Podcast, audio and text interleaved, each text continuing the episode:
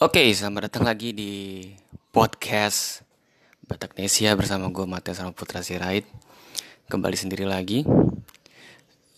Lagunya kali ini diiringi oleh lagu Lord Ambiar Didi Kempot.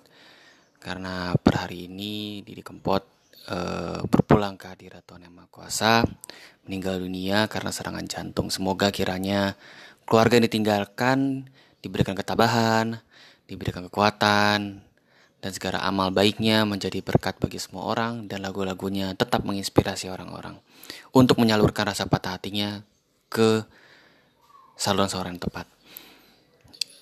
Oke, kayaknya rasanya emang 2020 cukup menantang sih ya. Kalau kita bisa rewind dari Januari banyak sekali yang dipanggil uh, meninggal dunia gitu maksudnya. Kita ada dulu waktu itu di awal ada Kobe Bryant, lalu Ashraf Sinclair, Glenn Fredly, sekarang di Kempot. Gue nggak tahu ini uh, apa pertandanya, apakah emang uh, pikiran pikiran liar gue tuh berpikir bahwa oke okay, ini sekarang mungkin udah masuk ke masa-masa akhir kali ya, akhir dunia, the end of the world. Jadi kita tunggu aja new new world order muncul mungkin di somewhere Q4 atau Q3 2020. But anyways, gue mau update lagi mengenai apa sih yang terjadi di negara kita, khususnya COVID-19.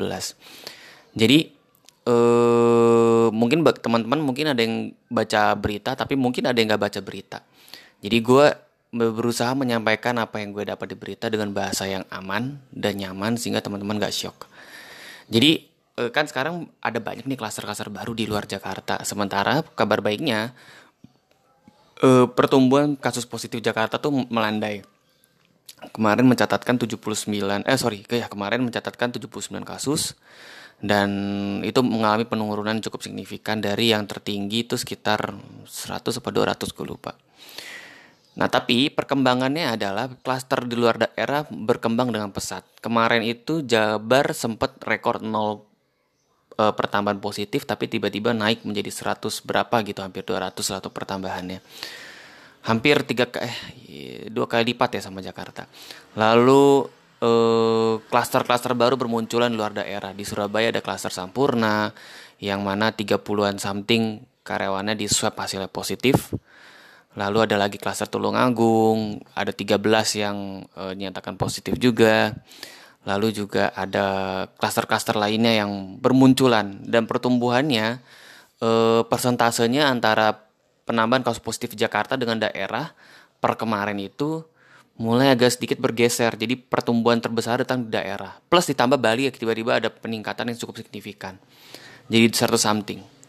Nah ini yang jadi permasalahan eh, pemerintah yang sebenarnya gue yakin mereka menakutkan di awal bahwa pertumbuhan eh, pergeseran epicentrum keluar Jakarta itu justru yang membuat eh, penanganan COVID ini kan semakin kompleks karena mobilitas di daerah sangat sulit, sangat banyak sekali jalan-jalan tikusnya, untrackable. Dan Jakarta aja pada bandel-bandel orang masih pada keluar kan. Gimana dengan orang-orang yang masih orang-orang desa yang pekerjaannya pasti bertani, beternak dan segala macam yang mau mengharuskan mereka tuh keluar. Gue gak tahu apa yang jadi concern Pak Jokowi, cuman eh, PSBB ini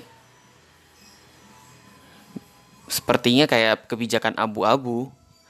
Uh, kita tidak dikarantina, tapi kok rasanya jadi permasalahan yang baru karena tidak semua orang yang uh, menaati ketentuan-ketentuan PSBB.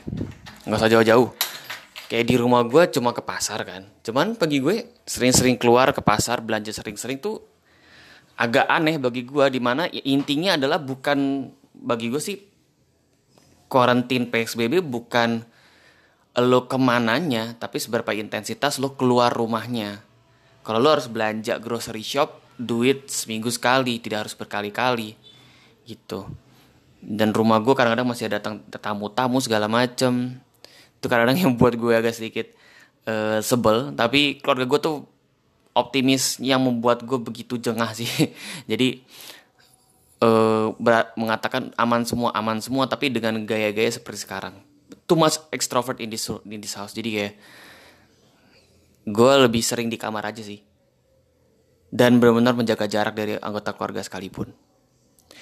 So anyways, uh, kan kemarin kan makin banyak nih uh, desakan bahwa KRL juga dipot, uh, juga ditutup. Karena hasil swab pengguna KRL Jakarta Bogor ditemukan orang OTG, orang tanpa gejala. Jadi orang-orang yang positif COVID-19 tapi tidak punya gejala-gejala klinis misalkan batuk, pilek, sesak napas, demam, uh, apalagi ya.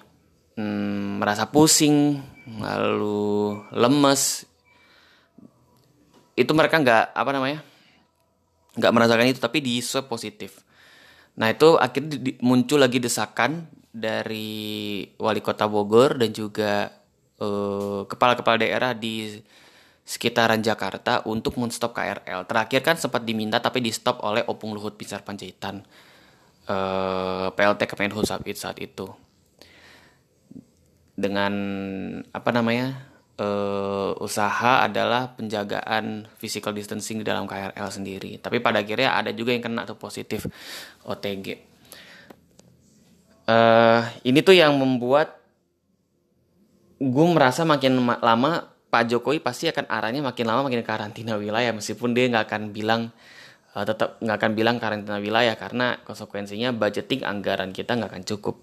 Wawancara di, sama Mbak Najwa Sihab Pak Jokowi berkilah budget bukan masalah tapi bagi gue that's the essential masalahnya gitu bahwa budget emang nggak cukup untuk untuk me, apa namanya mengurusi hajat itu orang banyak cuman semakin lama dengan bertambahnya klaster luar daerah, semakin terlihat bahwa if you want to do this, to do this PSBB itu uh, perlintasan antar provinsi itu benar harus stop. Jangan kan antar provinsi, mau kalau mau ekstrim sekalian antar kota administrasi aja, jadi stop.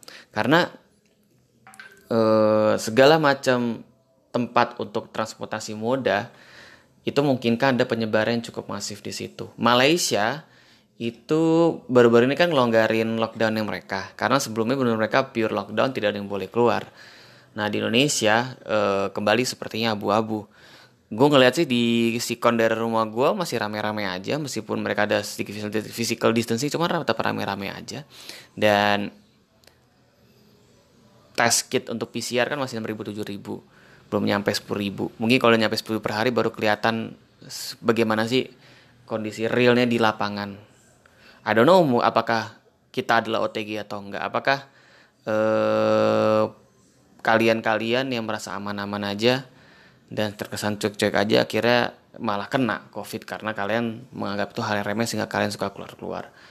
But anyways, eh, pencegahan ini adalah bukan untuk lo. Pencegahan itu justru untuk orang lain. Jadi if you feel stress for it, remember bahwa kali ini nyawa orang lain tuh bergantung sama kelakuan lo jadi uh, please stay home.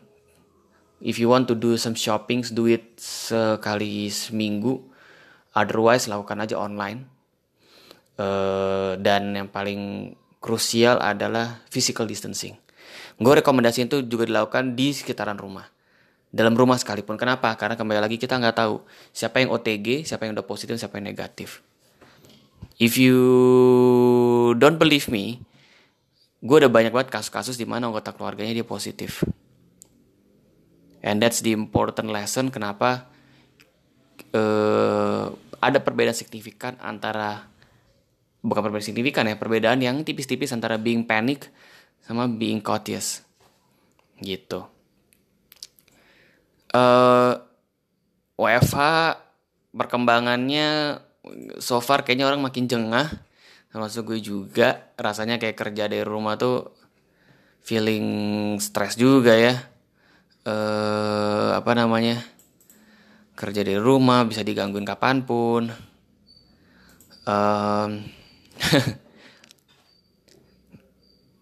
mungkin ini lebih tepatnya masa-masa di mana gue harusnya bersyukur but I have to be honest bahwa WiFi itu kadang udah di level menyiksa karena udah udah berapa udah berapa minggu nih ya hampir 8 minggu loh hampir 2 bulan oh minggu depan kita genap 2 bulan guys 60 hari per himbauan kerja dari rumah berlaku dari tanggal 16 jadi gue berarti udah self quarantine pribadi itu udah 60 hari. Dan mungkin ini akan extend sampai 30 90 hari. Ya Juni. Ya kalau kata Pak Presiden dia ingin optimis Juli. Ya hope so. Jadi uh, kalau misalkan you feel stress, lakukan hal-hal yang buat lo senang. Kalau gue sih sebetulnya ketika masa-masa kayak di rumah aja kayak gini tuh masalahnya juga cukup pelik dalam di sisi kejiwaan gue karena kan karakter gue beda sama keluarga gue dan kelakuan mereka kadang-kadang buat gue begitu khawatir karena itu membahayakan orang lain termasuk gue. Gue punya riwayat asma jadi gue punya underlying disadvantage kalau misalkan gue kena covid. Nah itu yang sangat gue khawatirkan. And then uh, apa ya? Gue melakukan banyak hal untuk mencoba diri gue waras. Gue tidak keluar rumah gue nggak me, gue menghindari untuk bertemu pacar gue karena uh, bagi gue I have to set example sih. If you feel stress di rumah you have to bear with it. Mungkin lo ada yang berbeda pendapatnya dengan gue lo bisa kayak screening oh iya tapi kan dia udah aman. Gue udah tau semua screening aman lah. But that's not on me karena uh, di di posisi gue gue berpikir di samping gue berusaha untuk comply dengan himbauan pemerintah sisi lain gue set example untuk orang-orang sekitar gue that this is how we do, this is how we save others. Dan I hope sih beberapa teman-teman gue yang mungkin dengar podcast ini menjadi bahan pertimbangan sih. Yang masih suka-suka nyamperin pacarnya jauh-jauh. Sampai nginep lagi ada. so, gue banyak sih yang gue lakuin. Either gue, uh, apa namanya, install game, main game, yang sifatnya ya open world bisa jalan-jalan. Lu bisa install ya kalau cowok yang hobi suka main-main game GTA atau uh, Assassin's Creed atau The Witcher. Tapi kalau lu suka main bareng lu bisa lu, lu bisa main play online lah FIFA online COD uh, Call of Duty online PUBG Mobile Legend uh, anything that make you sane. Kalau enggak olahraga sih cukup membantu bagi gue. Gue awal-awalnya karena jogging udah nggak mungkin bisa keluar jadi gue olahraga ya sempat uh, body weight workout di rumah, cuman tuh kurang efektif karena pada akhirnya asam lambung gue naik gara-gara intensitas olahraganya tinggi. Akhirnya gue geser ke yoga. Ternyata yoga cukup, enak juga sih uh, buat uh, apa namanya stress relief, lalu juga uh, gue kayak ngerasa konsentrasi gue untuk membuat gerakan gue dan mendengarkan badan gue lebih peka lagi tuh yoga cukup membantu dan gue merasa justru asma gue berkurang jauh. Gue kadang kalau selama gue masa seperti jujurnya tiga poin pertama tuh menyiksa sih. Kayak apa yang jarang kejadian muncul kayak asma gue muncul lagi ya sama lambung gue datang pergi datang pergi. Tapi eventually ketika gue coba yoga justru ini intensitasnya berkurang dan itu yang membuat gue sangat uh, senang banget sih. Dan I'm, I'm uh, gue sekarang lebih rutin untuk melakukan yoga. Masih level beginner lah belum sampai kayak ngejungklang ngejungkling kayak Anjas Mara atau siapa pun yang praktisi yoga yang udah berpengalaman. Do it something yang membuat lo bahagia. Do it something that makes you happy.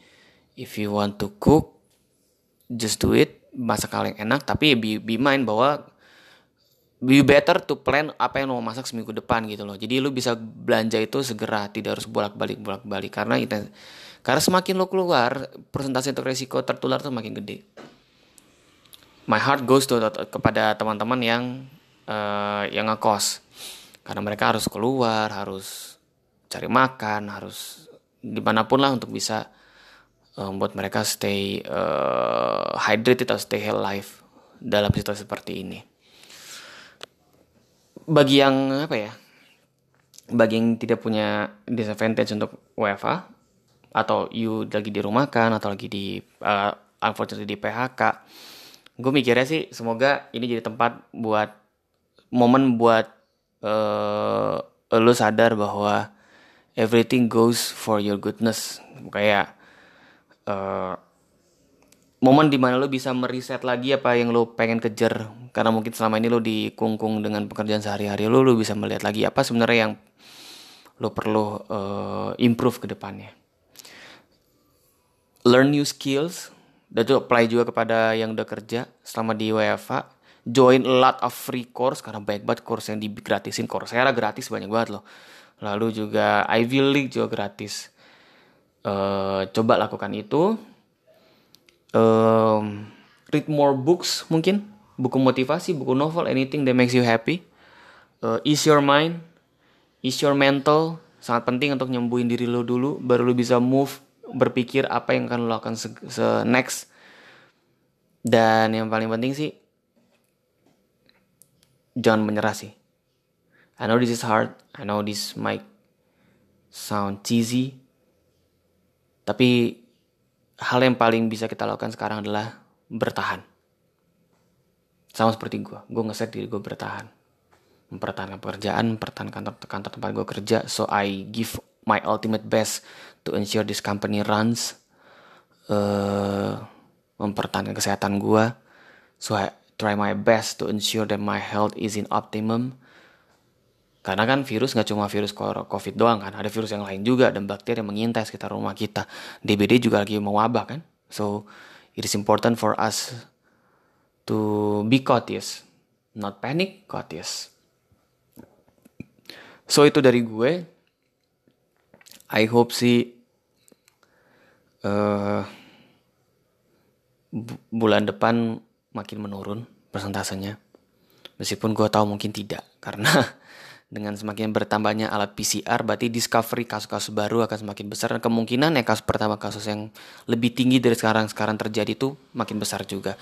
But that's a good thing karena dengan cara seperti itulah kita bisa petakan uh, siap bagian daerah mana aja yang terjangkit dan apa yang bisa kita lakukan untuk itu.